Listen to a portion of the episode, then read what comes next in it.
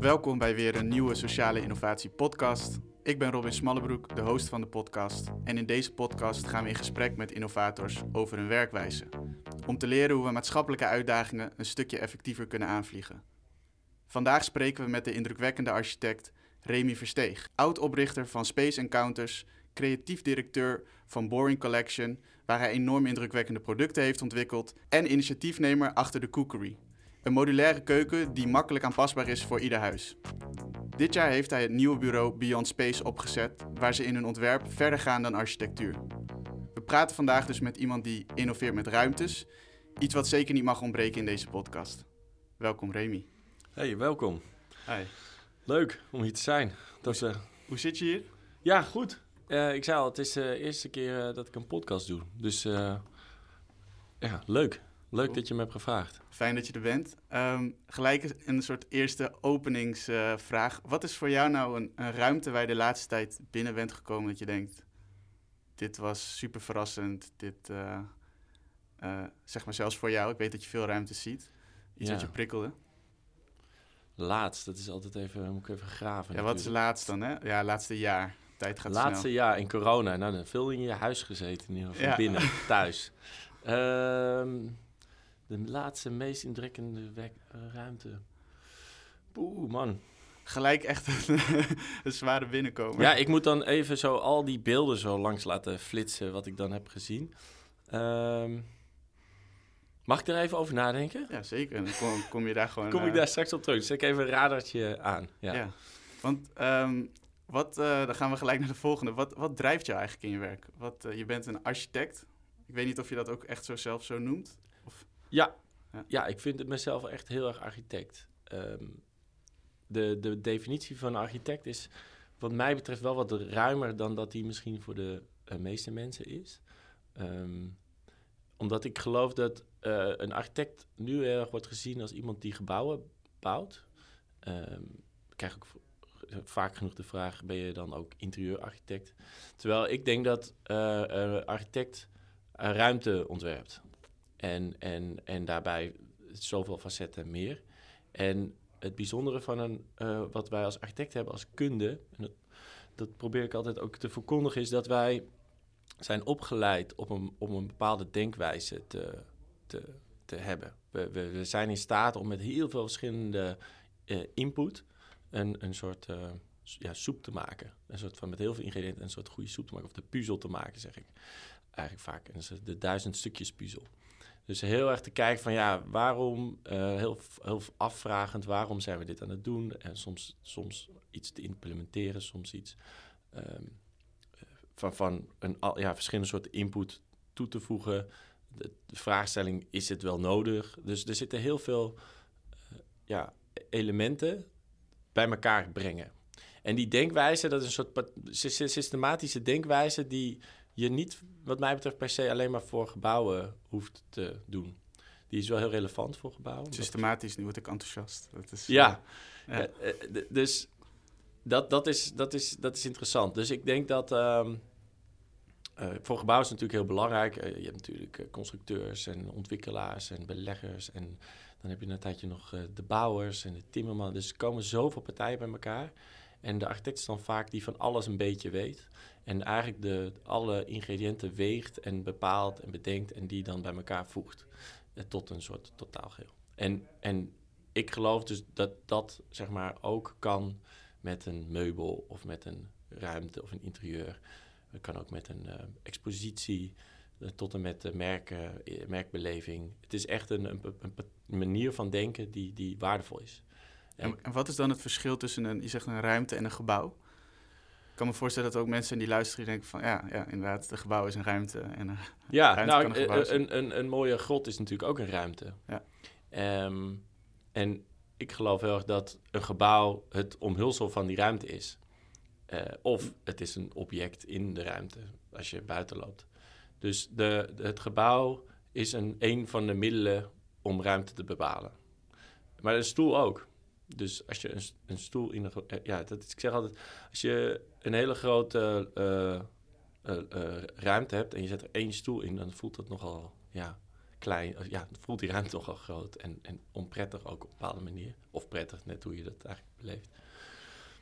Ehm, dus, dus met die e- elementen bepaal je hoe ruimte voelt. Als je langs een, een klif loopt, zeg ik vaak als je langs een ravijn loopt, dan voel je dat ook wel ergens in je lichaam. Ik dus voel dat door mijn hele lichaam. Ik begin te zweten veel onder mijn voeten. Het is een soort combinatie van zintuigen, of, of het is toch stiekem ons zesde zintuig, zeg ik wel eens. Maar ruimtebeleving is, is iets. En daarin zie ik dus gebouwen als een, een van de onderdelen van uh, ruimtebeleving. Ja. En, en in dit werk, wat, wat drijft jou? Misschien wel waarom ben jij architect geworden? Ja, ik, ik heb eh, de vraag waarom ik architect ben geworden, dat. Ik ben gewoon ooit begonnen. Ik, uh, middelbare school heb ik in de derde klas. Ben ik,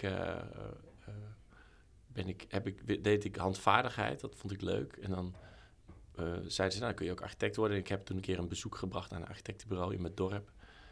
Wilnis nog. En daar, daar, daar vond ik het gaaf. Toen tekenen ze met computers en zo. Al die AutoCAD en dat soort ja. grote rare muizen. En ik vond dat wel heel tof. En vooral dat technische tekenen, dat vond ik heel interessant. Uh, later ben ik toen handvaardigheid gaan doen als, als eindexamen. Mocht dat nog met kunstgeschiedenis. En toen kwam ik Ik heb dat ook gedaan, hè? Ja? ja. Oh, gelukkig, ja. ja. En uh, dat vond ik leuk ook. Um, daarna, ik, ik heb uiteindelijk HAVO gedaan. Ik, ik kon VWO doen, maar ik heb HAVO gedaan. Um, met heel veel dingen daarnaast, zoals leerlingenraden en zo. En toen uh, ben ik dus gewoon HTS gaan doen, want ik dacht, ja, dat, dat had ik bedacht en dat ga ik dan gewoon doen. HTS is HBO, toch? Ja, ja. HBO. Um, vier jaar lang gedaan. Uh, toen was ik twintig. en toen dacht ik, ik ben nog wel heel jong om uh, nu te werken. En toen dacht ik, ja, dan ga ik maar door. En dan, ik had bij een architectenbureau gewerkt. denk ja, dan is het meest relevante om dan architectuur te gaan doen. Dus toen ben ik een schakelsemester bij de universiteit gaan doen. En toen, ja, architectuur gaan doen. Want ik dacht, dat is dan zeg maar de higher level of technisch tekenen.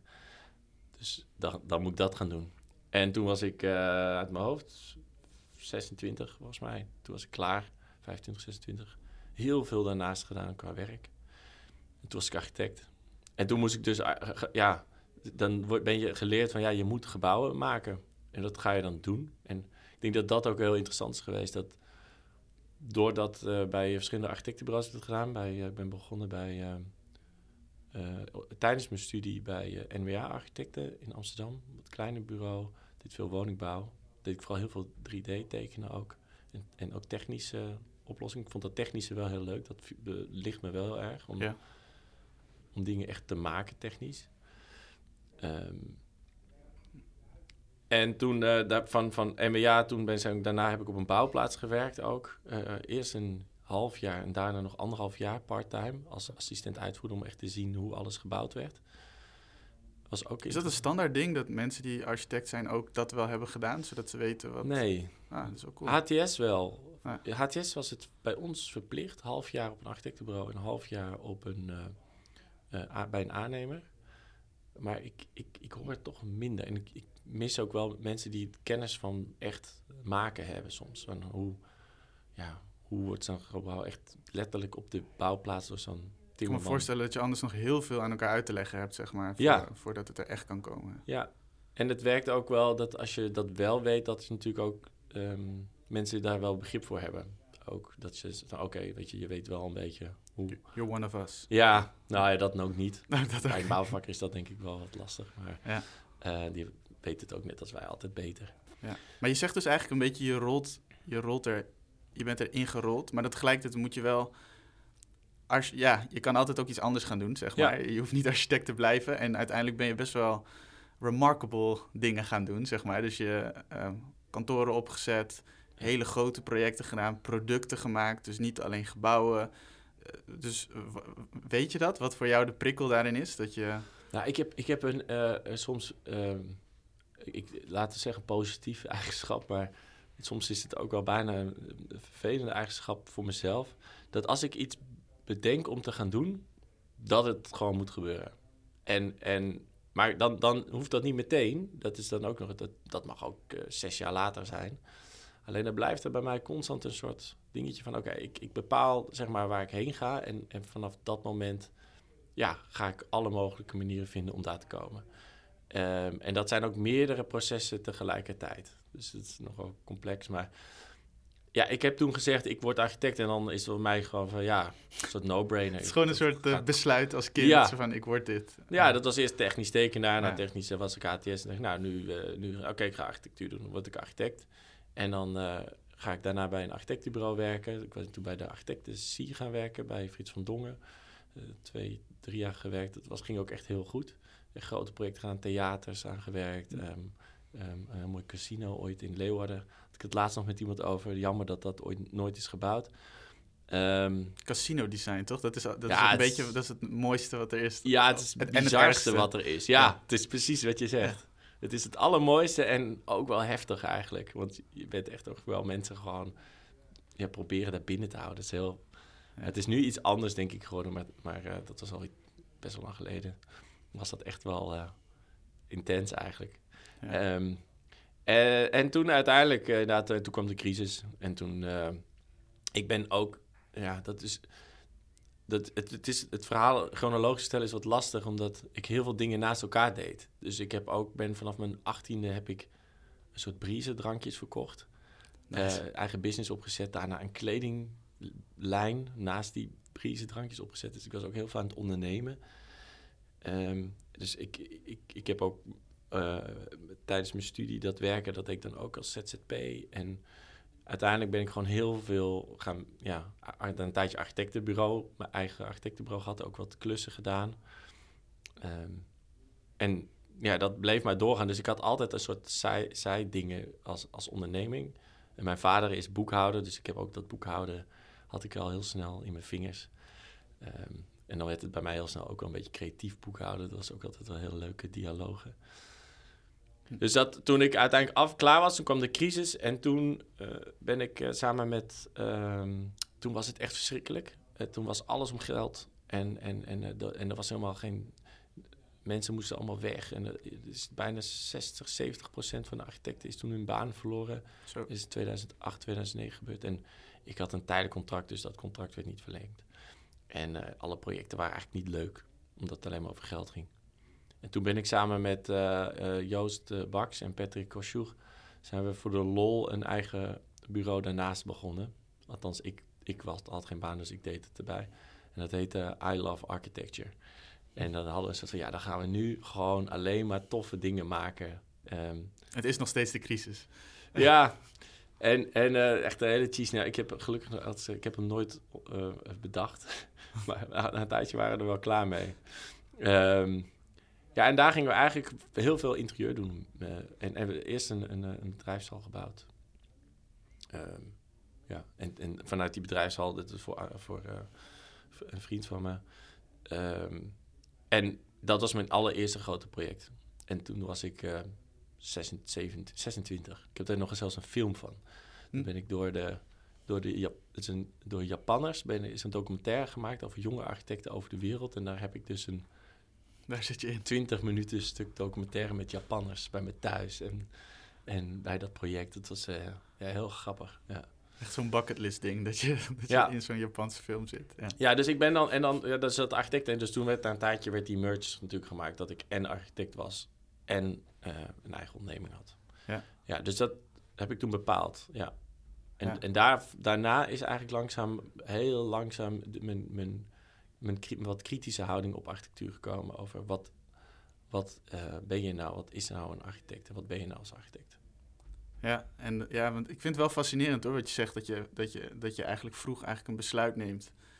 En dan blijkbaar iets in je hebt dat je denkt, nou, hier ga ik gewoon, hier ga ik gewoon echt vol voor. En ik ga heel veel dingen daarnaast doen. En, ik probeer, en tegelijkertijd is je antwoord op zo van, wat is mijn drijf? Ja, ik denk dat ik dit gewoon ergens gekozen heb het begin. En nu wil ik het zo goed mogelijk doen. Ik vind dat wel een, een cool antwoord. Ja, ik heb ooit, de, dat heeft in, in een soort, eh, wat lastiger periode heeft iemand, eh, was Patrick, eh, die heeft toen, Patrick Kosjoeg heeft toen tegen mij gezegd van, je moet eens de, de eh, graduation speech van Steve Jobs kijken. Ah, ja. Dat is uit, die heb je Ja, vast wel zeker. gezien. Ja, nou ja, die heb ik toen ook gezien. En ik vond het wel vet. Ik zei, weet je, je moet gewoon, ehm, je maakt die keuzes op dat moment toch ergens, ja, emotioneel gezien, eh, met de beste kennis. Mhm. Maar je kan het toch nooit weten. Dus, eh, en toen ben ik heel erg het, het uh, dat is ook uh, soms tot in de treurnis blijf ik dat wel ook in projecten herhalen. Ik zeg, ik hou altijd van, uh, van um, we gaan naar de maan-strategie. dus toen, toen we naar de maan gingen, had gewoon iemand bepaald, we gaan naar de maan. Ja, ja. En dan keek je zo om je heen en denk je, nou, we hebben auto's en we hebben vliegtuigen. Ja, dan kunnen we niet meer naar de maan. Dus, dus voordat je daar komt en voordat je daar dingen gaat ontwikkelen, moet je eerst dat piketpaaltje eh, slaan. Van iemand moet zeggen, we gaan naar de maan en we gaan, nu bepalen, we gaan nu proberen iets te ontwikkelen waarmee we naar de maan kunnen. Dus volgens mij drijft dat heel erg de innovatie. Het zegt ook niet dat je naar de maan hoeft. Maar als we hadden gekeken van ja, we gaan gewoon uh, proberen dit vliegtuig pakken en we gaan gewoon recht omhoog vliegen, kijken hoe ver we komen. Ja, zo werkt het niet, denk ik. Het is nooit bottom-up. Het is altijd dan top-down. Dus eerst zeggen, hier gaan we heen. En dan gaan we zelf wel zien hoe we daar komen. Wat tegelijkertijd ook het, het meest enge of zo is, toch? Om te zeggen in, met alle mensen met wie je werkt, om gewoon iets... Want eh, naar de maan is naar de maan, toch? Dat is soort van... Het is niet van, oh, we gaan gewoon nu iets doen en we gaan het iets beter doen. Het is echt wel... Ja, het is de ambitie neerleggen. Ja. ja. Daar geloof ik ook wel echt nog steeds in. Nu is het niet meer naar de maan, nu is het gewoon naar Mars. Dus, weet je, dus... dus Elon mag Musk. Je, maar ja, dat is wat hij doet, toch? Dat is precies wat hij heeft gedaan. Hij zegt gewoon, ik denk dat we naar Mars moeten. En ik denk dat we het zo moeten doen. En let's go, we gaan het gewoon proberen. En we gaan kijken en ik ga een plan maken en we gaan proberen zo ver te komen.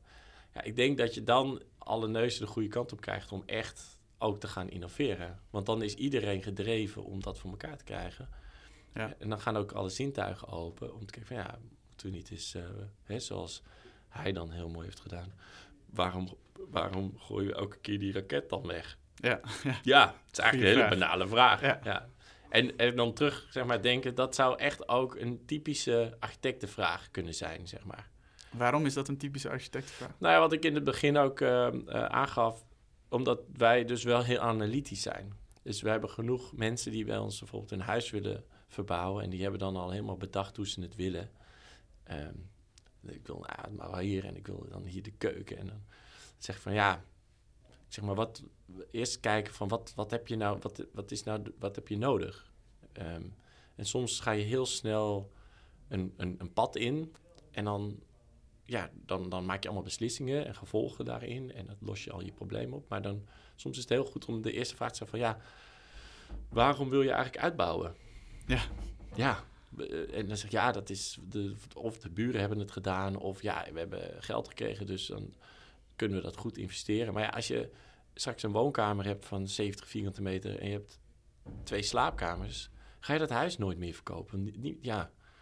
En dan zeggen ze altijd, ja, misschien een leuk gay koppel. En dat is altijd soort de meest ja, ja, dat is heel grappig. Dat is, als je makelaars vraagt, dat is zeg maar ja, maar die zijn er te weinig, zeg maar, voor, voor het aantal huizen die mensen als denken. iedereen dat als antwoord heeft. Ja, ja. want dat zijn goede tweeverdieners die natuurlijk uh, veel geld kunnen betalen voor een huis met relatief weinig slaapkamers.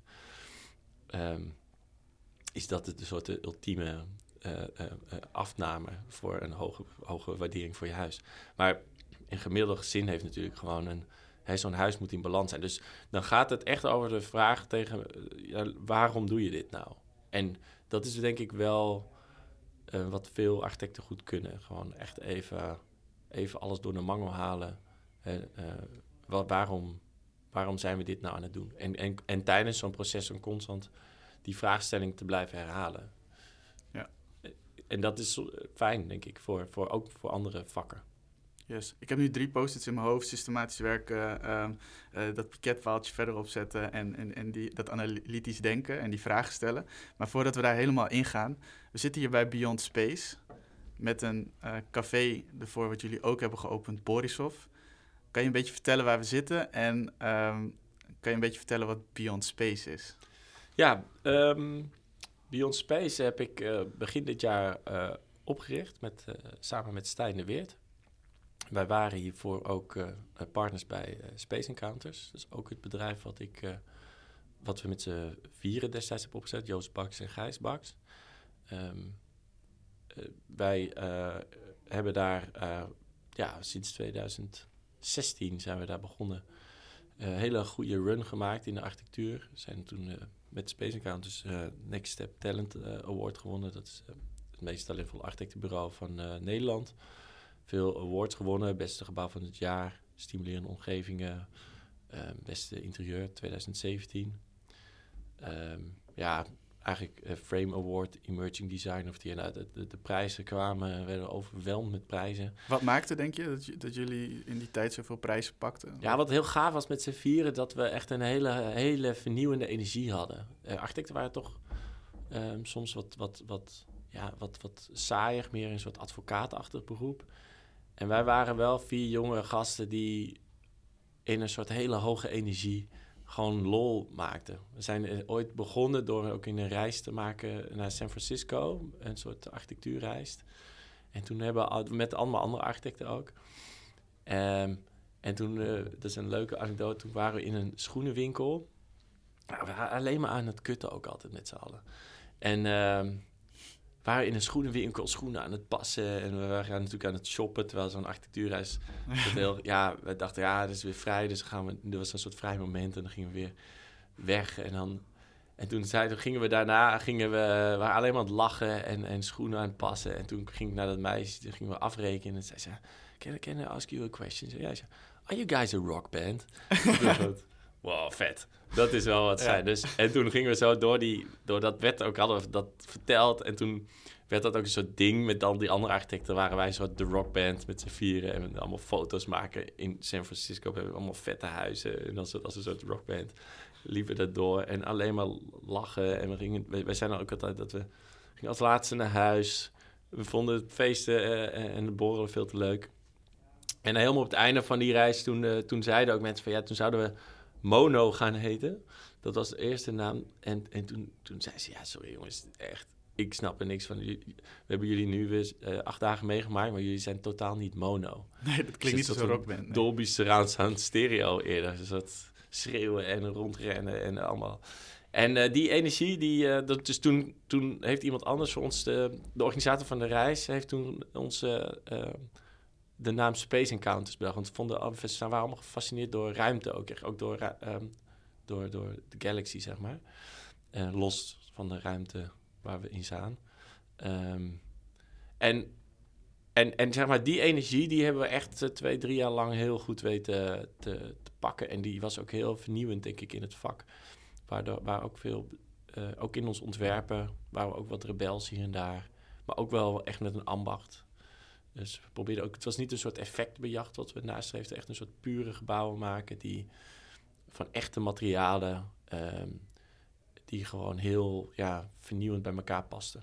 Ja, en wat maakte die, waren jullie zeg maar vrienden ook aan de voorkant of zo? Wat maakte dat, want dit is wat ik herken met ja, sommige mensen, inderdaad vrienden, waar je mee ook wel eens projecten hebt gedaan, dan is er gewoon zo'n hele hoge energie en dat is gewoon super lekker. Ja. Um, maar wat, wat maakt dat je zo'n energie hebt in een hele groep? Dat lijkt me best... Ja, het is toch de, de, de connectie. En um, het is ook een heel persoonlijke connectie uiteindelijk. Ja. En uh, ik was met Joost ooit begonnen samen uh, vanuit, uh, vanuit, vanuit architectuur. En uiteindelijk toen met z'n twee hadden we een bureau met z'n achten man in totaal. En toen dachten we, ja, we moeten, toen waren we heel van het manager, dachten we moeten verbreden, ook meer richting de architectuur. En toen zijn zijn broer is erbij gekomen, Gijs. En, en uh, vanuit ook omdat ik daar wel balans in wilde, niet met twee broers samen, heb ik, was Stijn er ook bijgekomen, die werkte toen voor ons. En uh, ja, dat was echt, uh, ja, iedereen had zijn eigen kwaliteiten. Dus, en, en het ging om de lol, dus we gingen ook we gingen ook wel uit en we gingen s'avonds dingen doen en op alle borrels hadden we het altijd echt super leuk. En ja, dat vonden mensen dan ook alweer leuk, die energie en die jonge energie. Dus ik denk dat dat persoonlijke, zeg maar, dat we konden gewoon heel goed met elkaar kletsen en waren heel snel en, en heel veel lachen. een vrij compacte groep klinkt het. Grote dingen doen, maar met een... Ja, we hadden, na een tijdje zijn we, hadden we 16 man ook. Oh, dus uh, in totaal, dus met ons ja. vier erbij. Dus we werden ook steeds groter. En, uh, maar ja, goed, uiteindelijk uh, denk ik dat die, die energie nog steeds al is. En ook de, de, de persoonlijke klik. Alleen zakelijk werd het steeds lastiger met vier mensen om goede richting te bepalen. Ga je nou, en, en ga je nou echt naar architectuur, ga je nou interieur doen? En toen hebben we uiteindelijk uh, vorig jaar tijdens corona, ja, dat, daar hebben we ook echt coachings in gedaan. We hebben echt alles aan gedaan om te kijken, hoe krijgen we dat goed? En um, ja, uiteindelijk hebben we gewoon geconcludeerd na, vorig jaar zo, omdat dat, dat het gewoon persoonlijk wel nog heel erg goed zat. Alleen dat dat zakelijk gewoon te veel wrong. En dat er te veel verschillende soorten perspectieven kwamen. En toen zijn zij en ik zijn toen hebben gezegd, nou ja, wij, wij willen wel, uh, wij gaan wel uh, afsplitsen eigenlijk. En mm. dat is toen uiteindelijk ook op een hele ja, nette manier gebeurd. En, en met heel veel uh, ja, waardering voor elkaar. En we gunnen elkaar ook gewoon weer een nieuw gezond bedrijf.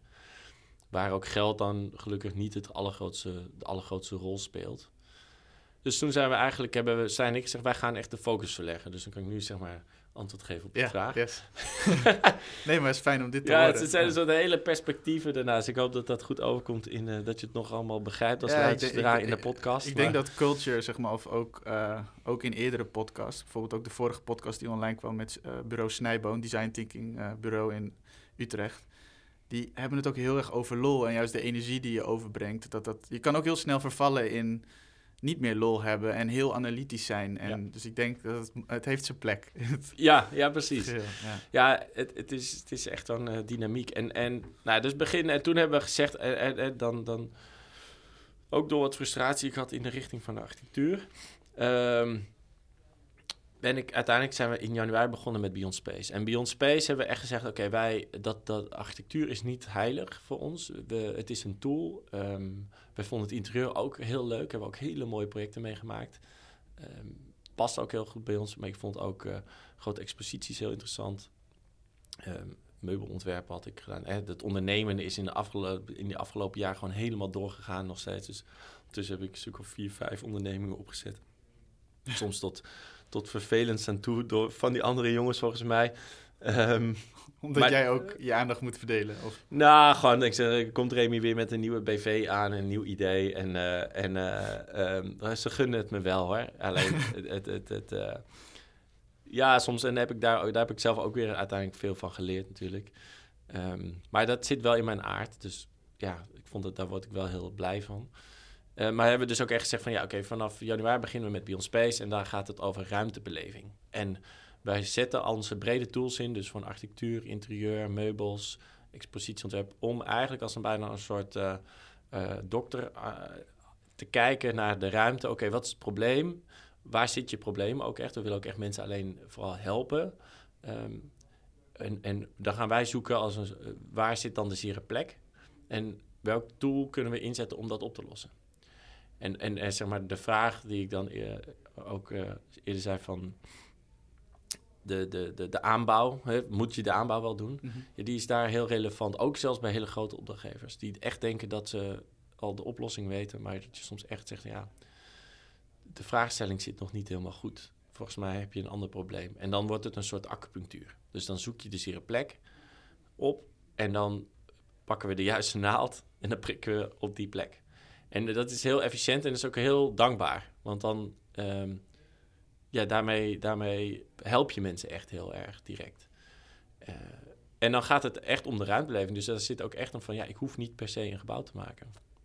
En als architect zijn we wel opgeleid in onze, onze uh, school. En dat, dat is ook echt een kritiek op, op de opleiding.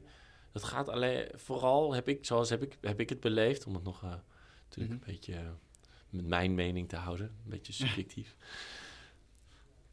het gaat vooral over, maak, die, maak dat gebouw. Um, en, en je moet een gebouw maken. En, en, en, en daar moeten we allemaal... En een soort, een soort ambitie van, ja, we moeten de grootste gebouwen maken... en uh, laten zien hoe goed we dat kunnen.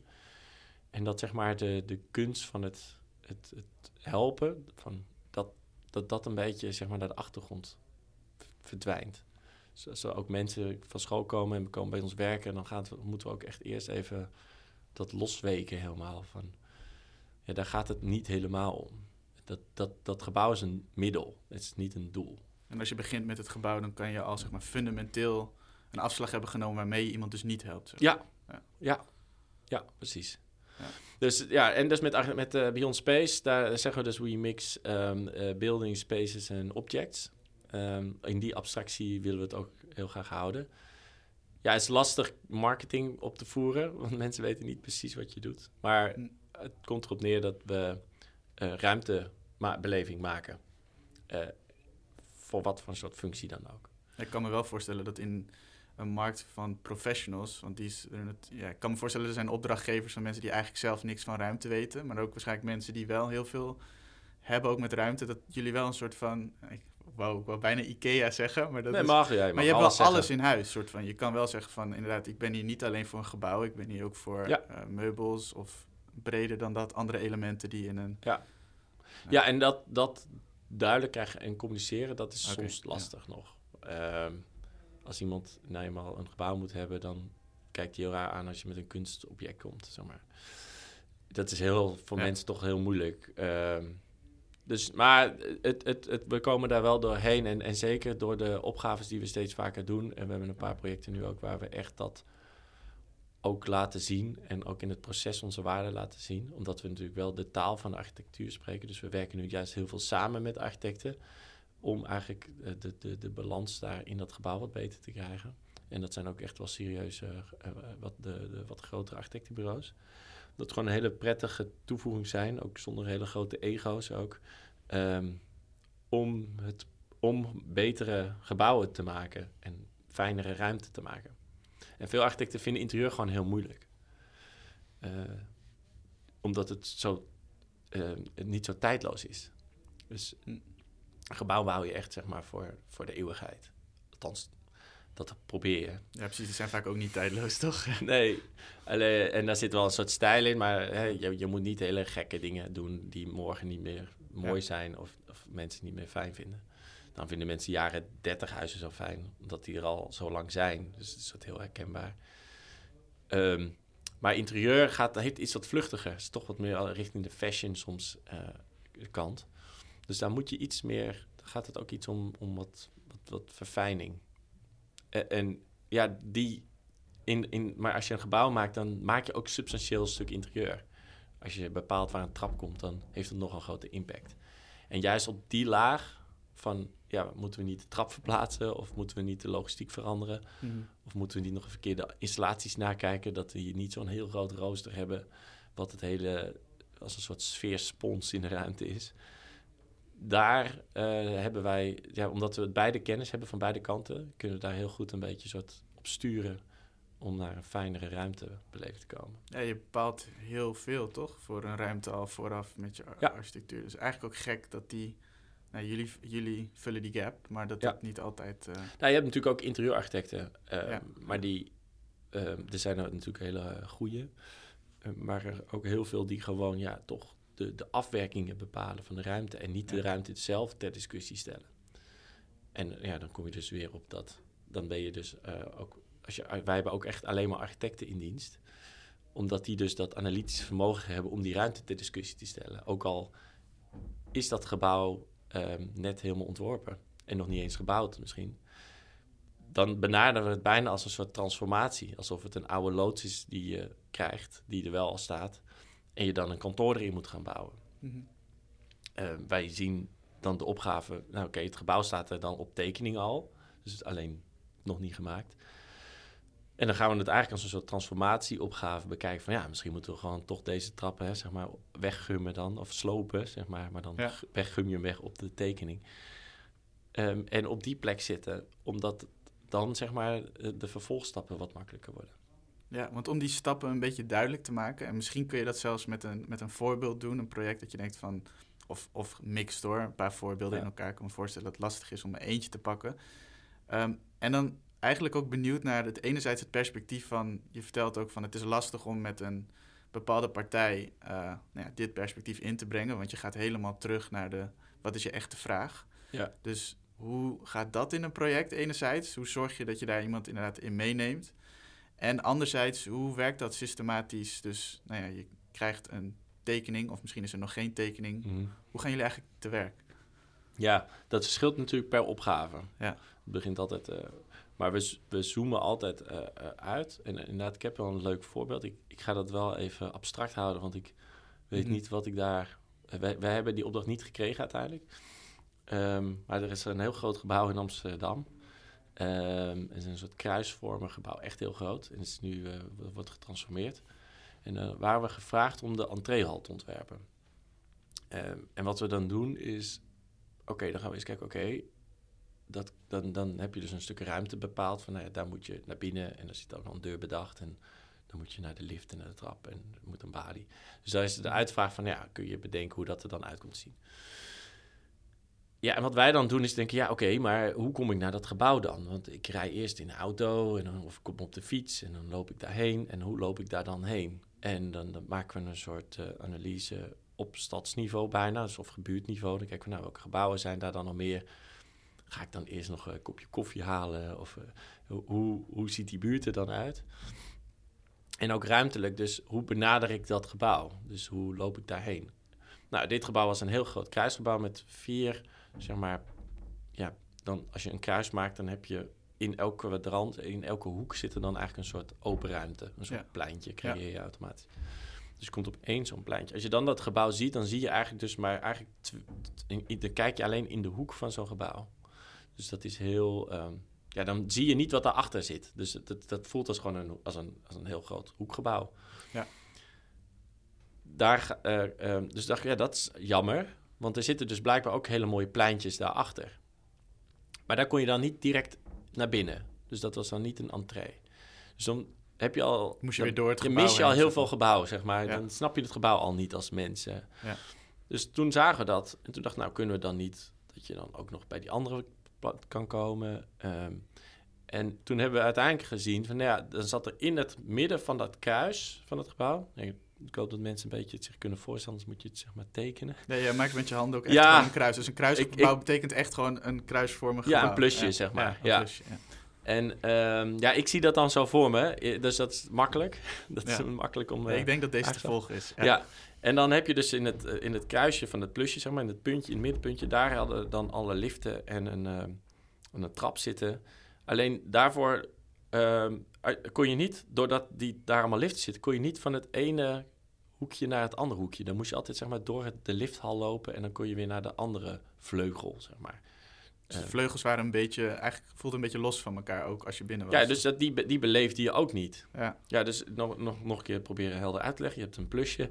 Je komt in de, een van de takjes, zeg maar, een van de uitstreepjes kom je binnen. En dan moet je naar het andere streepje. En dan moet je dus door het midden heen. En in het midden staat een heel groot betonnen blok met liften en trappen. Dus dan moet je dus eerst door die liften heen. En dan kom je daarna in die andere kant. Als je dan naar boven gaat, dan ga je die lift in, dan ga je naar boven. En dan ga je bijvoorbeeld naar het rechterstreepje toe. Dus alle circulatie ging via dat middenste stukje, wat heel logisch is. Maar daardoor ben je totaal gedesoriënteerd.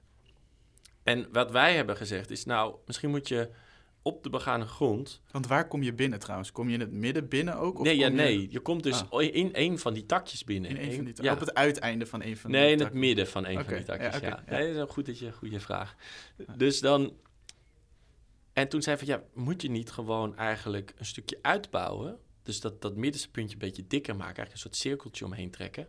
Heel klein cirkeltje. Als een soort rotonde om die, om die kern heen. Dus dan kom, en dan kom je gewoon dan ga je in het hoekje, in de oksel van, dat, van die twee puntjes, kom je dan binnen. En dan kun je zo rond die kern lopen. En dan zie je dus, als je dan één rondje loopt, dan heb je alle vier de vleugels gezien. En dan weet je wel van hoe dat gebouw. Dan zie je ook alle vier de hoeken, de open ruimtes zie je dan. En ehm, dan heb je gevoel van de oriëntatie. En, en, en dan kun je dus heel makkelijk ook logistiek oplossen. Nou ja, dat hadden we dus voorgesteld. Dus dan moesten we een stuk uitbouwen op de begane grond. Mhm. Eh, terwijl de opgave een interieuropdracht was. Maar hebben we toch gezegd, ja, je moet een stukje aanbouwen eigenlijk. Zodat je die rotonde creëert. En dan, ja, dan kunnen we daar natuurlijk een mooie vloertegel neerleggen. En een mooie wand, eh, dat komen dan wel uit. Maar dit is echt essentieel om dit gebouw goed te laten werken.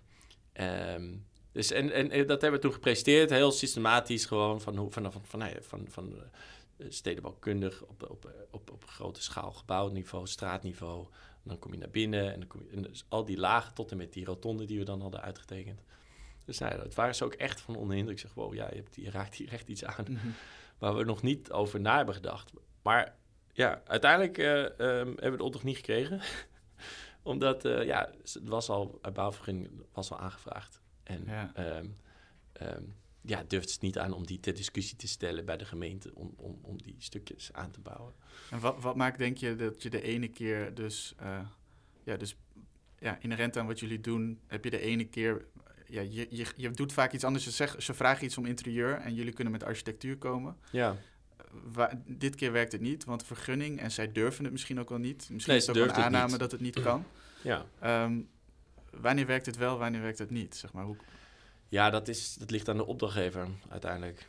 Kijk, ik, ik, we kunnen alles bedenken, maar als, als de opdrachtgever niet wil, dan, ja, dan is het een stuk lastiger of, of het gewoon niet, niet snapt. We kunnen proberen iedereen te overtuigen. Alleen soms heb je te weinig tijd of te weinig eh, vertrouwen nog of te weinig eh, kans gehad om dat goed toe te lichten. Om de opdrachtgever volledig te, ja, te, te, te laten begrijpen wat het is. Kijk, en in dit geval had het natuurlijk ook, dat hebben ze ook gezegd van ja, weet je, de volgende keer als we weer een soort situatie gaan doen, dan vragen jullie even helemaal aan het begin om zo mee te kijken. dat levert het wel op dus eigenlijk. Ja, dan, dan, dan voorkom je die problemen eigenlijk achteraf. Ehm, en, en dat is een andere opgave op de Zuidas waar we mee bezig zijn. Dat is een hele grote ehm, openbare, semi-openbare ruimte op de begaande grond, 2000 vierkante meter. Voor bioscoop, horeca. En daar zijn we in een vroeger stadium nu gevraagd. Daar zijn we, hebben we de opdracht eh, gewonnen. Ehm, en daar hebben we ook echt de hele logistiek mogen aanpassen. En daar zijn we al een half jaar mee bezig. En En- logistiek betekent in Ja, deze zin... Ja, de, de, hoe je dus door het gebouw beweegt. Ja, ja. Ehm, ook, en dat proberen we op een hele intuïtieve manier te doen. Dus dat je zonder bewegwijzigingbordjes eigenlijk heel logisch is waar je heen gaat. Eh, en daar hebben we hele grote optimalisaties gedaan. En daar zaten twee hele grote, eh, goede bureaus op, V- VMX en eh, NVSA. En dat was ook heel fijn om met hun daarover te praten. Omdat we waren ook allemaal bespreken dezelfde taal. Alleen wij konden zeg maar in, in ja, die nieuwe laag en dat vooruitkijkende blik naar het interieur konden ook de opdrachtgever goed meenemen. En waar zijn we ook een soort ja, middelman tussen alle partijen om voor iedereen te kijken wat is de beste oplossing ehm, om dit gebouw nog meer te optimaliseren. En, en daar, eh, daar is eh, eh, ja, zijn wij heel blij met het resultaat. En dat, de gemiddelde bezoeker zal dat nooit zien. En gelukkig maar ook. Maar ehm, ik denk dat het, dat het gebouw er echt, echt, echt heel erg veel van, eh, voor, ja, heel verbeterd is. Je hebt een prettige leefervaring als je daar bent als persoon, maar Ja, het is niet dat je Het denkt is van... gewoon een hele logische Ja. manier hoe je naar de, straks naar de kantoren gaat, hoe je naar de bioscoop gaat. eh, qua hoe je daar zit. daar zit. Dat gaat niet over wat voor een vloermateriaal het zit. Daar hebben we ook uiteindelijk allemaal bedacht en dat zit allemaal binnen hetzelfde concept. Ehm, da- daar, maar dat uiteindelijk is het een, een ehm, ja, hoe, hoe beleef je die ruimte? En in, in de structuur, want dat was echt een hele grote ruimte, hebben we daar als concept ingelegd ook ja, Amsterdam Zuid, hoe dat is opgebouwd, stedenbouwkundig, dus echt op stratenpatroon. Mhm. We hebben die hele grote binnenruimte eigenlijk als een soort mini-stadje bekeken. Dus in die hele grote ruimte hebben we kleine parkjes gemaakt, straten neergelegd, herkenningspunten neergelegd, een soort ja, woonblokken, maar dat zijn dan een soort functies toegevoegd. Ehm los straatmeubilair, zeg maar, als een soort... Dus we hebben echt het, het, het stedenbouwkundige ontwerpprincipe toegepast op een interieur. En dat werkt heel goed, want ja, Ja, want wat ge- gebeurt er dan eigenlijk? Dit is even, ik wil eigenlijk ook eh, je een vraag stellen zo meteen over dat proces, hoe jullie die dingen bedenken. Eh, maar dit hoor ik wel eens vaker, dat mensen die goed in ruimtes zijn, ik ben daar zelf iets minder in, maar dat lijnen, belangrijk is dat lijnen terugkomen, belangrijk is dat vormen terugkomen. Dit klinkt ook een beetje in die hoek. En geef het vooral aan als het niet zo is. Maar Nou, waarom is het belangrijk als dat terugkomt, Zuidas, buiten Nee. en binnen? Het is, het is, eh, nee, het is eigenlijk het systeem. Dus het, is, Hm. heeft niet zoveel met hoe die vormen zijn. Oké. Het, eh, wat je doet, je, je analyseert, oké, wat is... Ik heb hier... eh, ik moet hier een binnenruimte maken en die is heel groot. Die is 100 meter lang, ehm, eh, 20 meter breed. Hoe ga ik dit nou een fijne plek maken? Hoe is het gezellig? Het is niet gezellig. Je? Mhm. het, is, ook- het is ook heel moeilijk te definiëren gezellig, maar dat, het is niet heel, het is geen gezellige plek. Dus nou, dan denk ik, oké, nou dan kan ik natuurlijk allemaal stoelen erin gaan stoppen en ik kan eh barretjes. Dus ga je heel erg zeg maar de bottom-up doen. Dan zeg je van, nou, ik ga gewoon met de dingen die ik heb, ga ik het vullen. Mhm. Nou ja, dat is zeg maar dan de, de strategie van, ja, is dat, waar gaan we dan uitkomen? Dat weten we niet echt. Want we gaan gewoon spullen toevoegen, planten toevoegen. Dus we gaan heel erg een soort van bottom-up principe werken. En wat wij hebben gedaan is we gaan kijken, oké, waarom is die ruimte zo onprettig? En ken ik ruimtes, dus eh, een, een ruimte van 2000 vierkante meter groot, eh, zijn er genoeg in de wereld. En die zijn niet allemaal vervelend. Dus welke ruimtes kunnen we dan herleiden die dan ook zo'n grote schaal hebben, maar wat beter zeg maar voelen als mens? Nou, toen kwamen we achter van ja, eigenlijk als je door de stad loopt, is het echt een hele grote ruimte. Met heel veel. En daar zorgen de gebouwen en, de, en de, daar zit een soort schaalniveaus in. Dus je hebt heel grote gebouwen en dan heb je straten, dan heb je grote straten en kleine straten. En dan heb je bomen, die zitten dan weer net tussen de hoogte van een gebouw Mhm. en de hoogte van een mens in. Dus die zorgen voor weer wat verlaging. En er zit nog een soort bladeren waar je dan onderdoor loopt, zodat je een beetje Ja, bescherming dus de hebt. inspiratie van de stad is eigenlijk van, omdat dat ook zo'n grote ruimte is, Ja. met allemaal dimensies erin, hoe Ja. kun je dat vertalen naar een... Ja, dat, eigenlijk naar een soort, dat verschaal je. eigenlijk. Dus het systeem hoe ze een stad bouwen en in, invullen, hebben we eigenlijk gewoon een soort van, ja, gedeeld door twee gedaan, een soort verkleind. Een soort, eh, niet, ja, Magedurodam is een slecht voorbeeld, dat is echt heel klein, maar ik bedoel, we hebben eigenlijk zeg maar één keer verkleind en eigenlijk in die ruimte gelegd, omdat die ruimte ook een soort half publieke ruimte is waar je altijd naar binnen moet kunnen lopen. Dus ook een soort straat. Dus, maar dan zit het net tussen straat en en gebouw in, eigenlijk. Ja, het is heel ab- abstract. Wauw, nee, nee, het- je maakt alleen heel nieuwsgierig naar hoe deze ruimte... Ik ben nu heel erg benieuwd hoe deze Ja. ruimte eruit Ja, ziet. daar, op de, ik weet niet of het al op de site staat, ehm, maar we, we, de- ja, daar komen beelden van, in ieder geval nog. Ehm, en daarna hebben we dus, maar dan gaat het echt over het systeem. En dan kunnen we alle ontwerpen nog op doen. Dan kunnen we kronkelwegjes als straten doen, we kunnen rechte wegen als straat doen. We hebben daar gezegd, we maken een soort parkjes. Nou, dat, is, dat zijn gewoon bakken met grote bomen erin. En daar kun je ook weer bij zitten als een soort mini-parkje. Dus, maar die blokkeren dan ook, die staan eigenlijk een beetje in het midden. Dus als je dan allemaal bomen hebt, dan blokkeren ze het zicht voor de ruimte erachter. Maar je kijkt er wel weer een beetje doorheen, dus het maakt wel nieuwsgierig. Dus je gaat de ruimte eigenlijk een soort lagen en verdiepen, zoals een, zoals een stad. Eh, maar dan binnen. Ehm, en dat ja, vind ik, dat, dat zeg maar, dat heeft niet zoveel met het ja, echte smaak te maken. Of wat jij zegt van de vorm. Mhm. Gaat echt over strategisch bijna, eh, Ja. systematisch. ehm, kijken waar kan ik informatie uithalen en hoe kan ik dat op een andere manier hierop projecteren. Dus Ja. echt het omdenken, echt het out of the box denken van ik heb dit probleem, wat kan ik hieraan relateren om ehm, dit probleem op te lossen. Ja, en dan vind je dus een andere context waarin Ja. je een concept of een systeem vindt, zoals je zegt, Ja. die je daarop kan toepassen. En dat kan van alles zijn. hè. Het kan echt van natuur zijn. Het kan een grotgevoel zijn. Dat je denkt, kijk, het zou wel fijn zijn om hier een soort grotgevoel te hebben. En dat nieuwe gebouw of van, MVS, eh, van eh, MVRDV, wat net is opgeleverd, de Valley. Rotterdam is dat toch? Dat nee, is bureau? hier op de Zuidas. Heel Oh. groot, een beetje grof, grofmazig eh natuursteen naar binnen geven met een gladde glazen buitengevel. Echt wel ehm, interessant gebouw. Of het mooi of lelijk vindt, dat mag, mag, mag je zelf bepalen. Maar ik vind het wel een leuke uitspraak, een hele interessante uitspraak. Maar daar hebben ze ook een soort de grotto, heet het daar in het midden. En daar hebben ze echt ook het grotgevoel aan de binnenruimte proberen te maken. Wat ook, denk ik, heel succesvol is geweest. En dat is ook leuk om te zien. Dus dat je een soort inspiratie uit de natuur haalt. En die, die beleving probeert te bouwen in je architectuur.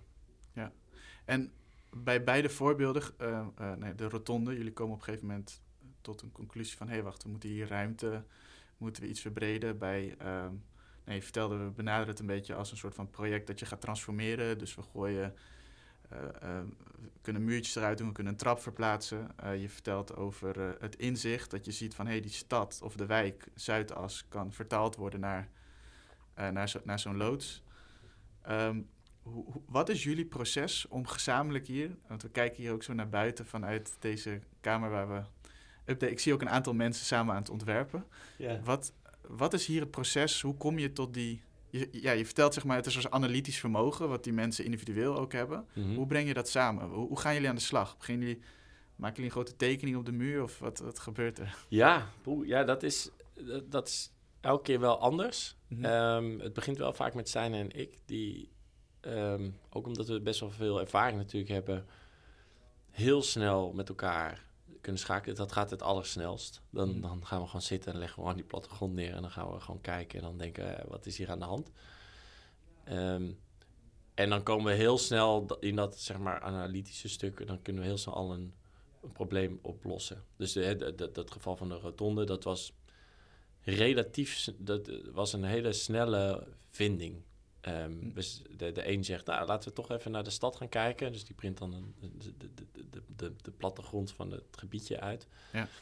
En dan, eh, oh, dat is interessant. En dan gaan we, kijken, dit is eigenlijk, kom je hier niet in dat hoekje? Nou ja, en dan gaat dat heen en weer. En dan zie je achter elkaar dingen van, hé, waarom is dit zo? En dan constant vragen stellen van, waarom, waarom is dit zo? En wat als we dan dit weghalen? Gewoon elk, eh, gewoon even roekzichtloos durven dan even op papier dingen gewoon...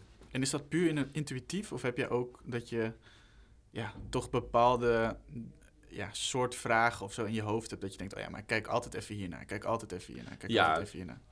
Het, het is deels intuïtief, ehm, maar natuurlijk dat wij die plattegrond uitprinten van Mhm. dat gebied, dat is natuurlijk heel, dat is een, een, een, een ja, truc of een, een manier die we gewoon even testen. Dus je hebt allemaal een je gaat allemaal dingen testen. En, en dat, is, dat testen is natuurlijk, dat kan eh, inderdaad een plattegrond gewoon even printen zijn. Ehm, alles, alle meubels, alle, alle, alle onzin uit de te- tekening halen. Even schetspapier eroverheen en alleen de dikke draagwanden neer te zetten. eh, Om, om jezelf even te gunnen dat je er even met een frisse blik naar kijkt zonder alle oplossingen die er al in zitten. Dat zijn natuurlijk wel systeem, systeempjes om sneller dat soort problemen te vinden.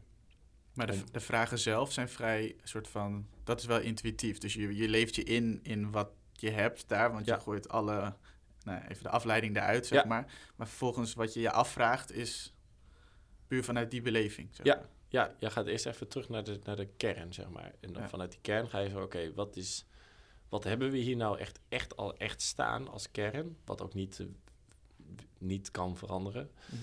Wat is nou de echte vraag van de opdrachtgever? Dus ook gewoon lezen en bekijken. Wat, wat is hier nou in de buurt echt aanwezig? Ook nieuwe informatie proberen er soms bij te halen.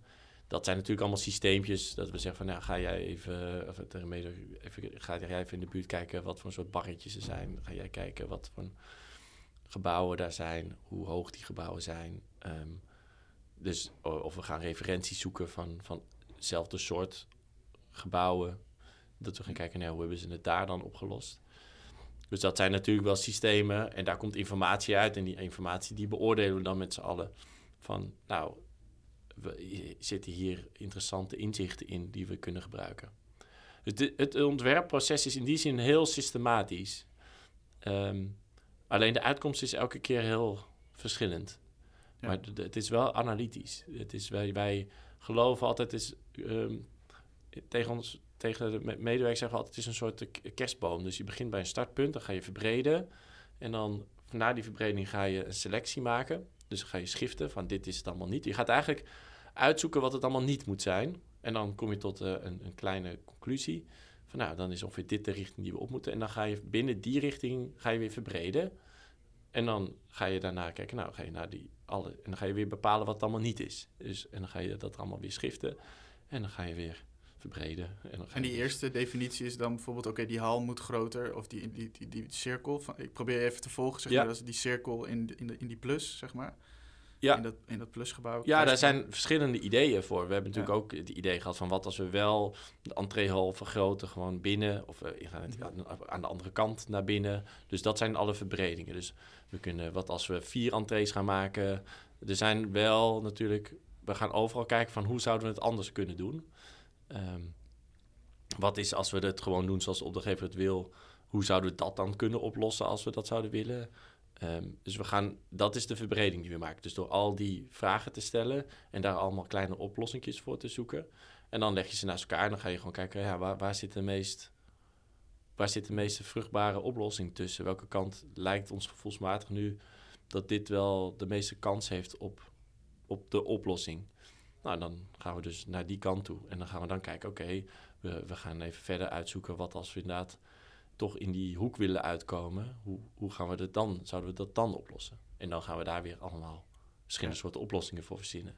En wat me uitdagend, uitdagend lijkt in, in jouw vak, of jullie vak, is dat het is best wel een groot object. Dus om het te beleven, om het echt te testen, wat je bedenkt, dat lijkt me best moeilijk. Ja, je kan het niet testen. Nee. Nee. Hoe ga je daarmee om?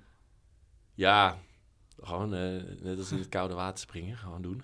gewoon gaan. Ja. Ik heb soms als dat... Uh, nu, nu ook een oplevering... Uh, gingen we ook een groot object in een gebouw bouwen in Noord. En ze ja, denk je dat het... Wordt, denk je dat het mooi wordt? Zeg, ja, ik, ga, ik, ga ik wel vanuit, ja. ik weet niet, niet duizend procent, ja, ik weet niet honderd procent zeker. Wij doen alles uit het beste idee en gevoel. Um, we hebben gelukkig ook veel ervaring dat het lukt bijna altijd wel, gelukkig. Dus ons gevoel klopt wel, dus daar moeten we gewoon op varen. Maar echt, echt 100%, we kunnen natuurlijk in 3D dingen maken, eh, ja. in 3D bepalen. Alleen echt kijken of het helemaal werkt zoals je hoopt dat het werkt. Dat weet je pas echt helemaal op het eind. Alleen in dat proces, en dat is ook wel grappig uh, om daarin te vertellen, dat um, wij maken dus zo'n ontwerp. En veel mensen denken dat dan, dat dan wij dat helemaal zo tekenen en dan schrijven we allemaal op en dan, en dan wordt het gemaakt en dan is het goed. En ik geloof dat dat werkt niet bij ons zo. Dus wij moeten dat hele proces schaven wij nog aan het ontwerp. Dus wij maken eerst zeg maar de grove lijnen en dan daarna maken we het iets eh, gedetailleerder. Dan gaan we iets beter kiezen van nou, dit is precies het materiaal wat we willen. En soms tijdens zo'n proces kom je nog problemen tegen. Eh, dan moet er ergens een ventilatierooster in, of dan moet er ergens een, toch nog een, een, trappetje bij, of nog een. Ja, Je komt van als. En die input proberen dan weer even een klein beetje terug te nemen en te kijken, kunnen we het ontwerp op die manier weer verscherpen? En dus wij, wij scherpen dat, dat ontwerp constant, schaven we dat bij en dat wordt steeds strakker en beter. En daar ook mooier van gedurende het proces tot en met dat het uiteindelijk wordt opgeleverd. Ehm, in, in Amsterdam-Noord hebben we, hadden we bedacht dat een, een, een hele groot stenen object gebouwd, dat zou een, een rode voeg inkomen. Bleek dat die rode voeg behoorlijk besmettelijk was voor de witte steentjes. Hm. Dus dat was echt een probleem. We hebben allemaal manieren geprobeerd hoe we dat in de bouw konden oplossen. En toen zei de opdrachtgever, uh, ja, maar misschien moeten we gewoon geen voeg doen. Dan hou je gewoon de ruimte tussen die stenen. Dan wordt het een soort donker, zeg maar. Dan, de schaduw zit er dan tussen. Dan hebben we erover gedacht, gedacht en toen uiteindelijk zag je dan allemaal stukjes lijm erin zitten. Dat vonden we dan toch weer lelijk. En toen nog een keertje gaan kijken. En toen hebben we uiteindelijk gezegd, ja, het was wel heel mooi gemetseld. Toen hebben we uiteindelijk gezegd, nou, we slijpen alle lijm er tussenuit. Of krabben eigenlijk soorten lijm er tussenuit. Hm. En dan doen we inderdaad niet, gaan we het niet voegen. En dan, ja, dan zie je nu, denk, ja, het is denk mooier dan met voeg. Ja, ja. Dus dat, dat is vet. Dan heb je echt een... een um, en zo proberen we elke probleem wat er komt weer te kijken of we dat kunnen buigen naar een soort tof iets. Of je hebt, een, uh, je hebt ergens een, een barst in een, raam, uh, in, in, in, in een wand of er zit een soort lelijke leiding. En dan zeggen we, nou, zetten we een klein stukje natuursteen tegenaan. En dan heb je zo'n hele witte wand met een heel mooi stukje stripje natuursteen. En dan denk je, wauw, dit ziet er tof uit. En dan heb je niet door dat het eigenlijk een oplossing is voor iets. Ja, ja. Dus, en, en daar worden de gebouwen steeds beter van in zo'n proces. En veel verfijnder gela ja, gelaagd. Want ik zit het ook in mijn hoofd een beetje te matchen met bijvoorbeeld... Nou, ik heb ook een UX-achtergrond. Dus dan als je een appje maakt... Ja, je, kan er, je laat mensen er gewoon doorheen klikken, zeg maar. En dan ga je een beetje observeren. Niet eens altijd precies letten op wat ze zeggen... maar in ieder geval kijken van wat zijn ze nou aan het doen... En dat is zulke directe feedback, want het is eigenlijk hetzelfde. Het kan al op je mobiel zijn, het kan al op je laptop zijn. En ik hoor jou eigenlijk een soort van zeggen, ja, bij een ja, gebouw is dat wel lastig. Kan moeilijk je echt de beleving al geven van het gebouw, want hij staat er nog niet. Of misschien wel, maar wordt nog verbouwd. Ja. Maar het is zo'n ehm, stapsgewijs proces waarin dus ook, nou, je gaf net iemand vanuit de bouw, uh, waarmee je dan dus een interactie hebt, waardoor je dus weer een klein dingetje aanpast. En dat samen is alle feedback, waardoor je toch iets maakt wat past bij de mensen voor wie. En je eigen uh, natuurlijk uh, expertise daarop. Maar het klinkt als. ja. Nee, dat werkt zo. En, en ik denk, zoals jij zegt met zo'n UX, ja, dan kun je natuurlijk gewoon een stukje slopen en weer een stukje nieuw bouwen. Ja. En ik denk dat dat in architectuur ook gewoon prima kan. Weet je, zoals het huis opleveren of van iemand. Ja. ja. Ik, ik zeg, wij hebben een visie op dat moment neergelegd. Ik heb ook in mijn eigen huis heb ik ook gebouwd. En, en daar heb ik twee hele vette fides in zitten. Dus ik kan 7,5 meter omhoog door mijn huis heen kijken. Echt nice. Um, mijn vriendin die vindt het eigenlijk... Uh, daardoor is de woonkamer relatief klein. Die vindt het eigenlijk heel stom. Dus die, begon, die zei meteen van ja... die videocard is eigenlijk niet handig. En eigenlijk voelde ik dat best wel op aangesproken de hele tijd. Shit, ik heb het niet goed gedaan zeker. Ehm, maar later heb ik daar ook over nagedacht. ja, weet je, dat is natuurlijk ook gewoon zo. Ook ik doe niet alles perfect. En ik kan dit niet, ik heb niet zo'n voortschrijdend inzicht dat ik dat allemaal van tevoren weet. Ja. Dus ja, nu uiteindelijk gaan we gewoon weer dat, die, die videostuk dichtleggen. Ja, prima. Wordt het huis weer beter van. En dat is gewoon een soort voortschrijdend inzicht dat we hebben gehad. En, en dan wordt het weer beter. En in zo'n proces doe je dat dan nog op tekening. Dus dan heb je dat allemaal getekend. En dan denk je, nou, misschien moeten we dit nog even veranderen. Of die trap veranderen. En soms tot vervelend ergens aan toe bij een aannemer... dat je op het laatste moment nog toch nog wat dingen verandert. Omdat je constant zijn tijdens een proces dingen ziet. Nou, dit kan misschien nog beter. Je optimaliseert het steeds. En dan is het af. Ja, en dan is het natuurlijk ook niet echt af. Dus dan gaat het gebruikt worden en dan is de gebruiker daar. En die uh, ziet dan weer nieuwe uh, uh, problemen. En dan ja, moet je gewoon zeggen, nou, laten we weer gaan zitten. Gaan we even kijken. Ja, Misschien moeten we dan weer een wand die misschien net drie maanden staat slopen. En dan lossen, lossen we het weer, gaan we kijken wat er dan de beste oplossing voor jou is. En dan gaan we het weer oplossen. Um, of soms moet hij toch zijn, zijn, zijn organisatie erop aanpassen. Dat kan ook, je kan alle kanten op bewegen. Soms kunnen we het bouwkundig oplossen, soms kunnen we het gewoon organisatorisch oplossen. Ja. Dus daarmee kun je ook spelen. En moet je ook niet bang zijn, um, het is nooit af. Het, het moet constant veranderen weer. En kun je daar ook aan de voorkant al rekening mee houden? Dat als je, je maakt een gebouw of je verbouwt een ruimte en je zet bepaalde dingen erin, neem je dan ook rekening mee dat je denkt van nou, het zou best wel eens kunnen dat deze ruimtes misschien over een jaar dat we denken van we willen dit net anders. Ja, die flexibiliteit. We hebben een project gedaan in, um, in Haarlem. Daar hebben we een soort ruimtelijk grid van aluminium gebouwd. Um, dan moet je je voorstellen, dat is een soort... Uh, ja, allemaal kolommen en balken in een hele grote ruimte...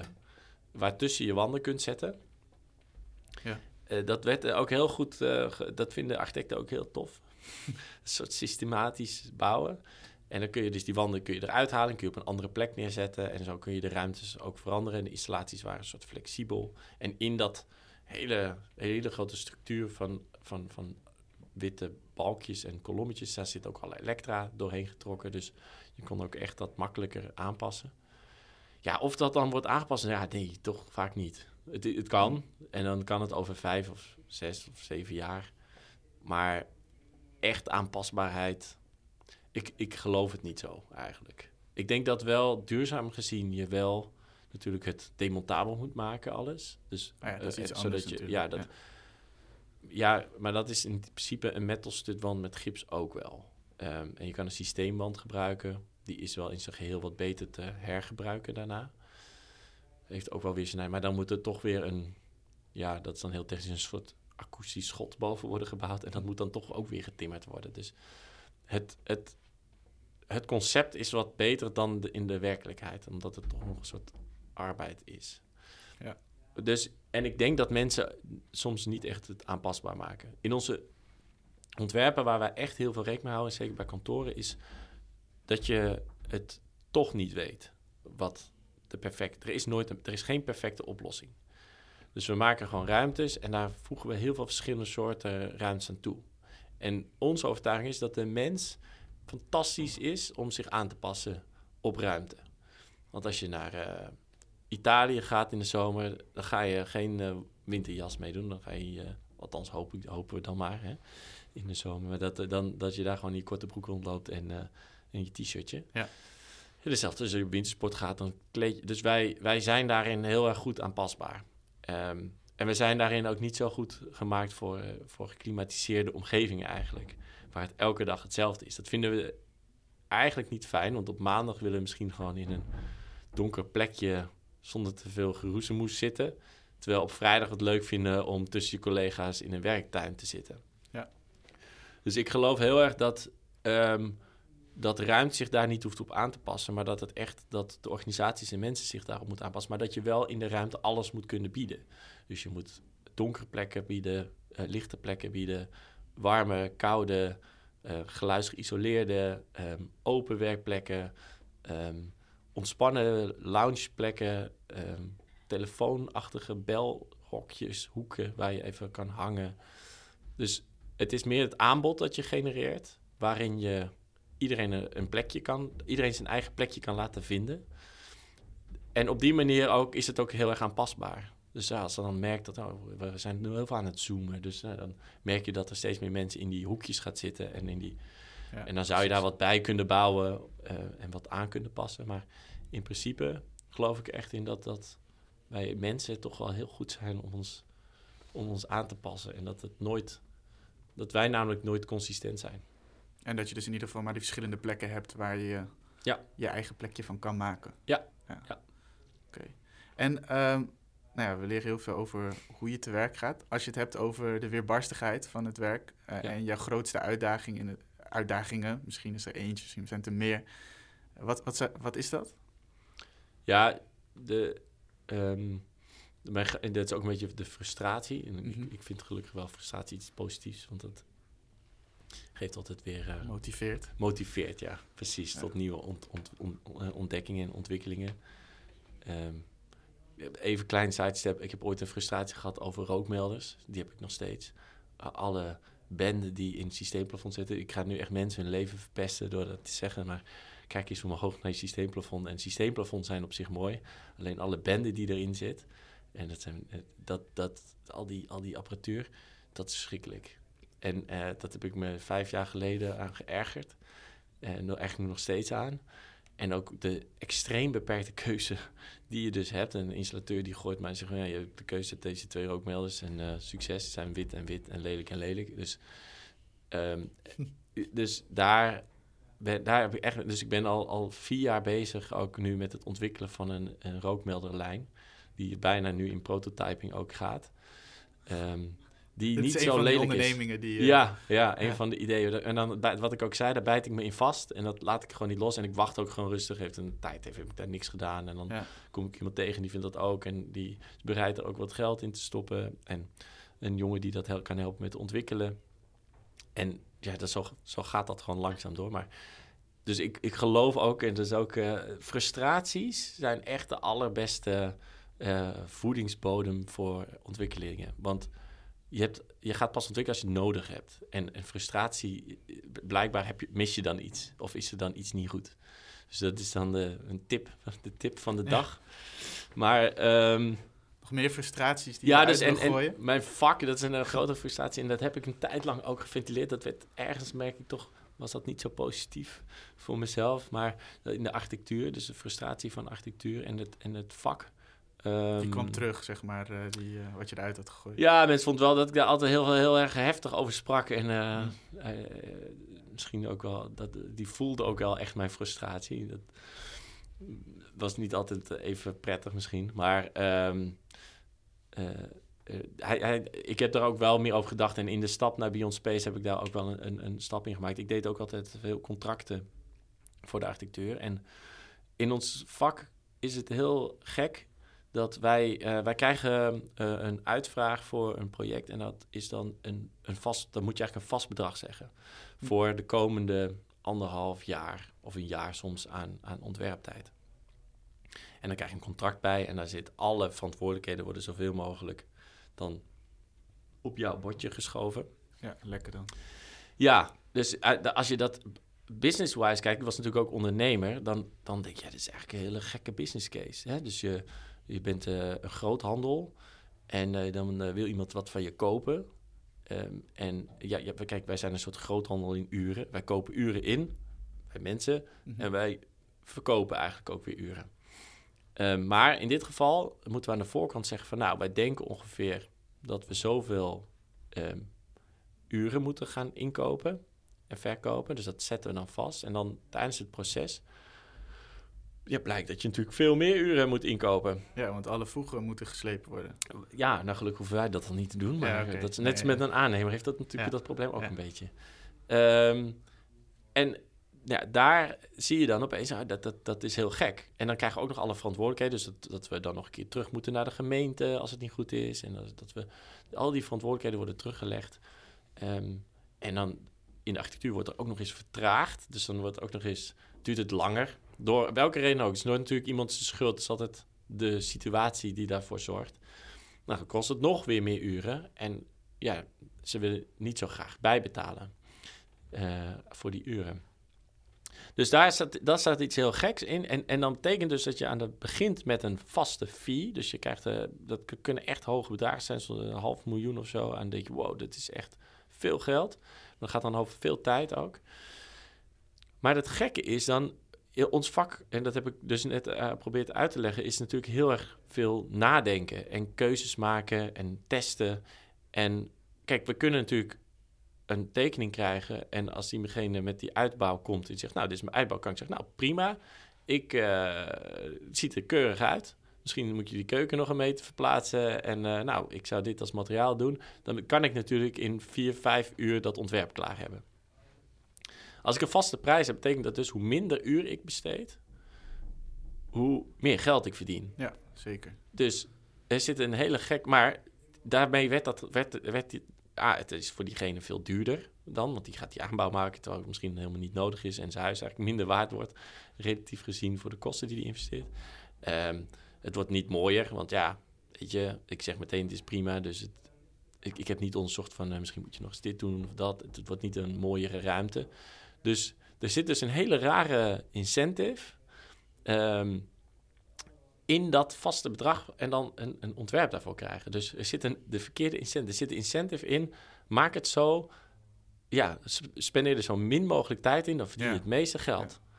ja. dus dan moet je dus uit je eigen drang en wil, moet je dus iets moois willen maken. En voor je toekomst misschien natuurlijk wel. Maar ja, ergens is dat natuurlijk heel gek. Dus, dus de, alles wordt gezegd dat ik minder tijd moet besteden.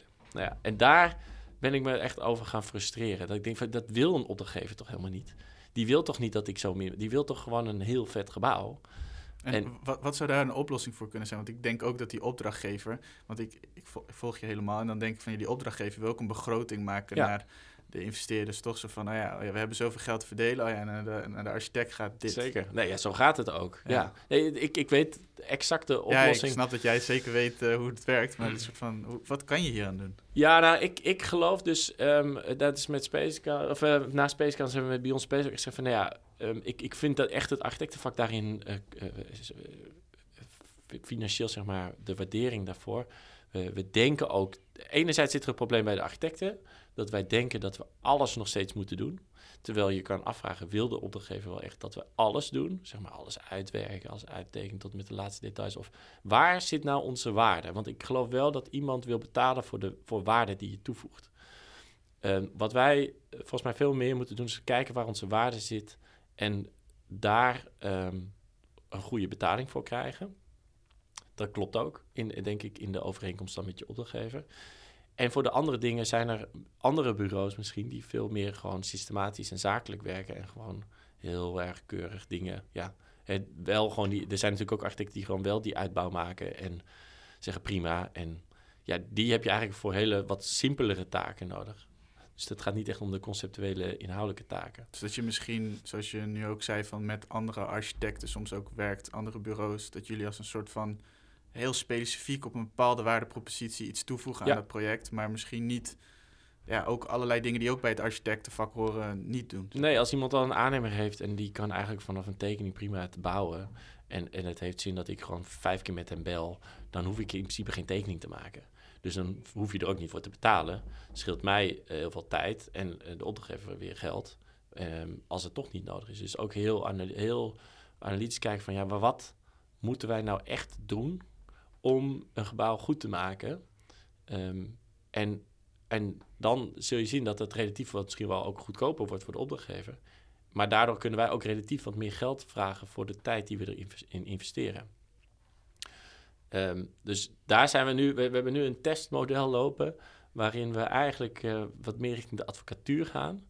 Toch weer naar de advocatuur. Ja, ja. we hebben het toch. Uh, nou ja, het, soms moet je moet gewoon dingen testen. Volgens mij, zo, zo vinden we ook leuk. Gewoon daar ook in te innoveren. Van uh, hoe kunnen we nou dat, dat, dat betaalmechanisme van de architect en die waarde die je als architect hebt, hoe kunnen we nou die beter laten waarderen en dus laten renderen?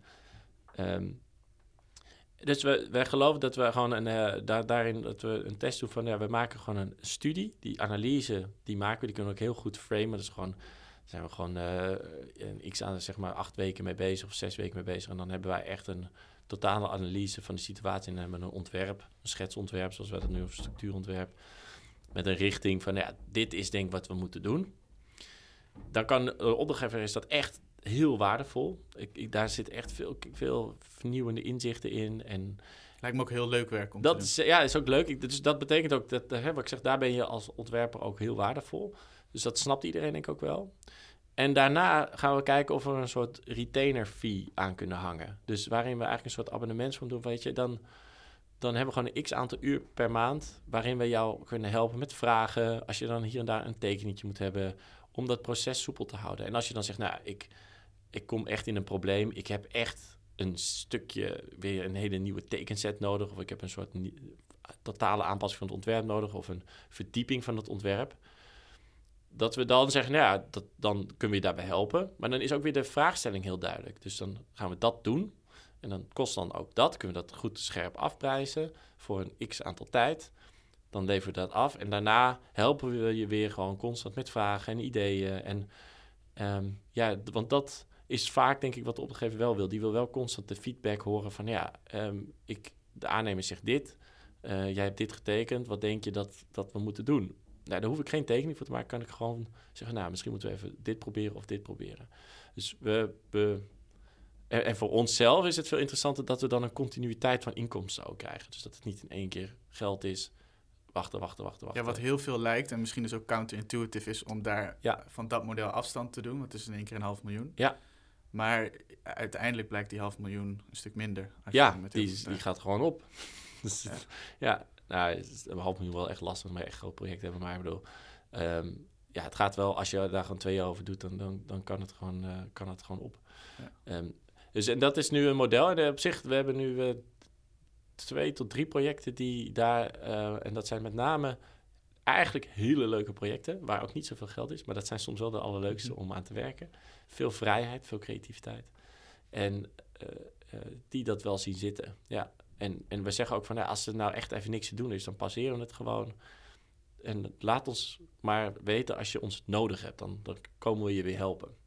En ik vind, denk dat in de toekomst een wat ja, fijnere manier van werken, uh, een dankbaardere manier van werken. Ook. Waarbij ze ook zien dus dat het een een duurzame relatie is op het moment dat dat ook met zo'n soort subscription, ja, of moet je dat subscription noemen? In ieder ja, een retainer is dus gewoon ja. heel bekend in de advocatuur blijkbaar, dat je een ja. case hebt en dat je daarna een soort retainer fee hebt om dus constant met kleine dingen nog te helpen. Dus ik vond het ook een interessante bruggetje. Komen we toch nog weer die architect naast dat naast die advocaat ja, kunnen zetten. Zijn, zegt, dit maakt hem helemaal rond. Ja, ja hopelijk kunnen we dan ook een keertje hetzelfde uurtarief gaan vragen, want ja. Kijk, uh, het is nog steeds zo dat de, de architectuur en, en, de ontwerpers... als je nog eens een universitaire opleiding is... een van de laagst betaalde universitaire opleidingen. Dus slechts betaalde. In, Echt? Ja. Dat is dat, niet het beeld dat ik ervan heb. Nee, dus ergens gaat dat ook natuurlijk... is dat ook heel gek. Dus um, we houden het zelf ook een beetje in stand. En ergens is dat ook wel leuk natuurlijk, op uh, feestjes. Maar... Um, ja, dat, dat, het, zo zonde. Maar ik, geloof dat er ook echt een groot deel van het probleem bij onszelf zit um, de manier hoe wij het vak benaderen en uh, de verwachting is waar wij ooit als bouwmeester waren in de jaren 1930, dat we echt alles deden. Ja, die, die, die, rol is gewoon totaal veranderd. En, en volgens mij is uh, de nieuwe generatie daar wat beter nu mee bezig, maar de oude generaties is dat wel tijdens de crisis vooral ja, totaal op de schop gegaan. Ja. ja, creatief gezien lijkt me deze rol ook een stuk leuker. Dat is een persoonlijk inzicht, maar dat soort van dat ik denk van, ah ja, dit is veel meer echt op het conceptuele, ja. waar ik denk dat iedereen's hersenen van aangaan. Maar... Ja, nee, zeker. En het helpen. Ik, ja. ik, ik, word ook heel blij van mensen helpen en uh, mensen blij maken. Um, dus daar zie ik wel echt veel, uh, ja, veel, veel, veel kansen eigenlijk uh, voor, voor de architect. En, en, en je moet ook blijven veranderen. De, de wereld verandert toch ook om je heen. Dus wij moeten ook gewoon blijven veranderen. Ja. Hey, een afsluitende vraag. Ja. Um, een must-watch, een must-read en een persoonlijke jam. Ja. Kunnen mensen nog even doorzoeken? Ja, ja ik zal... Uh, ik, uh, de uh, must-watch is... Um, waar, ik echt heel, waar wij allemaal heel veel inspiratie uit hebben gehaald... is de documentaire Giro Dreams of Sushi. Oh, wauw. Ja, die vind ja. ik ook zelf heel mooi. Ja, die is heel vet. Ja. Um, als je Waarom? echt... Ja, gewoon het, het iemand zo door en door het vak perfectioneren. Dat is natuurlijk wel een soort driven. Misschien ook omdat ik het zelf eh, niet doe op, die, op die manier, op een andere manier in ieder geval. Maar dat je zo je kan toeleggen op een soort perfectionisme. Reis maken, vis snijden, vis uitkiezen. Ja, tot alles, het aller, aller, allerbeste. Ehm, en daar alles voor op willen geven, dat is natuurlijk wel, dat vind ik, ehm, ja, bijna, ja, het is gewoon anders dan ik zelf in elkaar zit, maar daar ben ik bijna jaloers op hoe vet is dat je dat kan. Ehm, dat, dat is echt, een, vind ik altijd een, eh, een waardevolle kijkervaring. En um, de must read, ik, ik ben altijd heel geïnspireerd uit dat is die Elon Musk. Dat is de, de, eigenlijk een blog, Wait But Why. Oké, nee, deze blog ken ik niet. Nou, die bestaat dus al heel lang. En dat is echt heel tof, want die jongen die um, is ooit is tijdens zijn studie begonnen en die, wat hij doet is die leest zich helemaal tot in de diepte en de laatste vezels in over een onderwerp. Overal stelt hij vragen over. Dat verzamelt hij allemaal en dan schrijft hij een soort long read. Helemaal perfect opgebouwd met alle site-info op een hele toegankelijke manier over bepaalde onderwerpen. Uh, dat doet hij al heel lang en zijn ook een hele gaaf stuk. Hij heeft ook een vierluik gemaakt over Elon Musk. En dat heeft hij gedaan dus um, voor 2015 al. 2014 was het ongeveer, denk ik.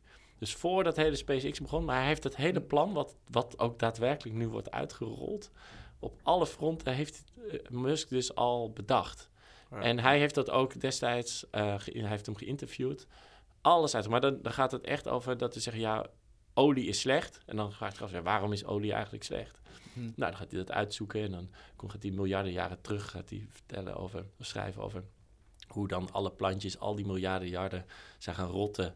En dus al die kool CO2 zeg maar, is opgeslagen in de aarde. En dat pompen we er even nu in een, in een kleine luttele jaren eruit. Ehm, dus hij heel veel aanvullende informatie. En dat gaat ook over procrastination, over art, artificial intelligence. En dat is onze immortality of onze ondergang. Dat, eh, echt hele toffe, hele vooruitstrevende onderwerpen. ik zeker wil lezen. Ja, ik denk dat de luisteraars het echt uh, een hele, hele vet... Het zijn echt lange... Hij, hij, tekent ook altijd van die stokpoppetjes waar hij dingen mee uitlegt. Dus hij heeft heel veel tekeningetjes er ook in zitten. Met hele slechte kindertekeningen eigenlijk. Maar heel grappig ook. Ja. En hij heeft er ook een, uh, een TED-talk gedaan die heel leuk is over procrastination. Dus over het uitstellen van dingen. Ja dat was uh, de must read. Daar, kun je, ben je wel even mee bezig als je al die blogs hebt gelezen in ieder geval. Het is Engels wel. Uh, en uh, ja, de, de must listen, dat vond ik de lastigste eigenlijk. Um, en ik, het bleef maar echt soms constant één nummer. Ik heb een soort nummer al jaren, al sinds ik best, ja, al ik denk heel lang, wat ik gewoon heel erg tof nummer. Het is heel gek, maar het, heet, het is van K-Star. En uh, het is uh, het nummer I Cry By Night. Het is echt een oud nummer ook. Eigenlijk helemaal voor mijn tijd ook. Maar, um, en het is een waanzinnige solo, vind ik, daarin zitten. Een saxofoon solo. Um, en de tekst is ook wel heel fascinerend. Het, um, die moet je gewoon luisteren en die kun je op verschillende manieren allemaal interpreteren. En het gaat ook niet heel erg over de tekst, maar het gaat wel over een soort state of mind waarin iedereen zich altijd maar voordoet alsof het uh, um, altijd, uh, I cry by night, dat het altijd maar positief, alles is maar positief, alles is altijd maar goed. En dan s'nachts uh, huil je, zeg maar. Van dus dan, dan doe je dus de, de oprechtheid die soms wel eens in de samenleving mist. En die um, gelukkig steeds meer zichtbaar wordt, zeg maar, die, die, die kwetsbaarheid. Maar waar iedereen maar zegt gewoon, hè, alles is goed, alles is leuk. En toch het standaard antwoord, toch? Ja, precies. En uh, daar gaat dat nummer af. Het is een kort nummer. Het is heel oud, uh, jazzy-achtig. Um, maar ik vind het uh, altijd een heel, heel prettig nummer om even te luisteren. Ja. Dankjewel, Remy. Ja, graag gedaan. Volgens mij een super mooi gesprek. Tenminste, ik, ik, ik snap vaak degene die, als je zelf veel hebt gesproken, dan is het soort van lastig terug te halen. Maar er zat volgens mij heel veel in. Ja, misschien, dat zei het eigenlijk wel. Er zit er heel veel in. En, en misschien, ik, ik ik zei aan de voorkant ook tegen jou van... ik hoop dat mensen het uh, allemaal begrijpen. Het, is, uh, het gaat nog wel eens uh, weerwaar door elkaar heen. in mijn hoofd ook. Er gaan heel veel zijstapjes in. Um, dat het, dat het volgens ik hoop dat mensen het ook niet... Ik, ik ben heel benieuwd of, of, of het een, hoe ik mezelf beleef, de podcast. Of ik, ik heb soms als mijn podcast, zeker over mijn vak, die heel slaapwekkend zijn. Dus misschien kom ik er wel achter dat ik denk, ik, ik heb het ook gedaan. Ik hoop het niet. Denk maar, het niet. Ik weet wel zeker van niet. Ja, en um, ja, leuk. Ik vond het heel leuk uh, om te doen. En uh, volgens mij kunnen we nog uren doorpraten, maar... Ja, dat uh, doen we dan een andere keer wel met een biertje of zo. Yes, hier bij Borisov. Bij Borisov, ja, precies. Ja. Dankjewel voor je tijd, voor het gesprek. Yes, graag gedaan. En bedankt voor het luisteren en tot de volgende. Ciao.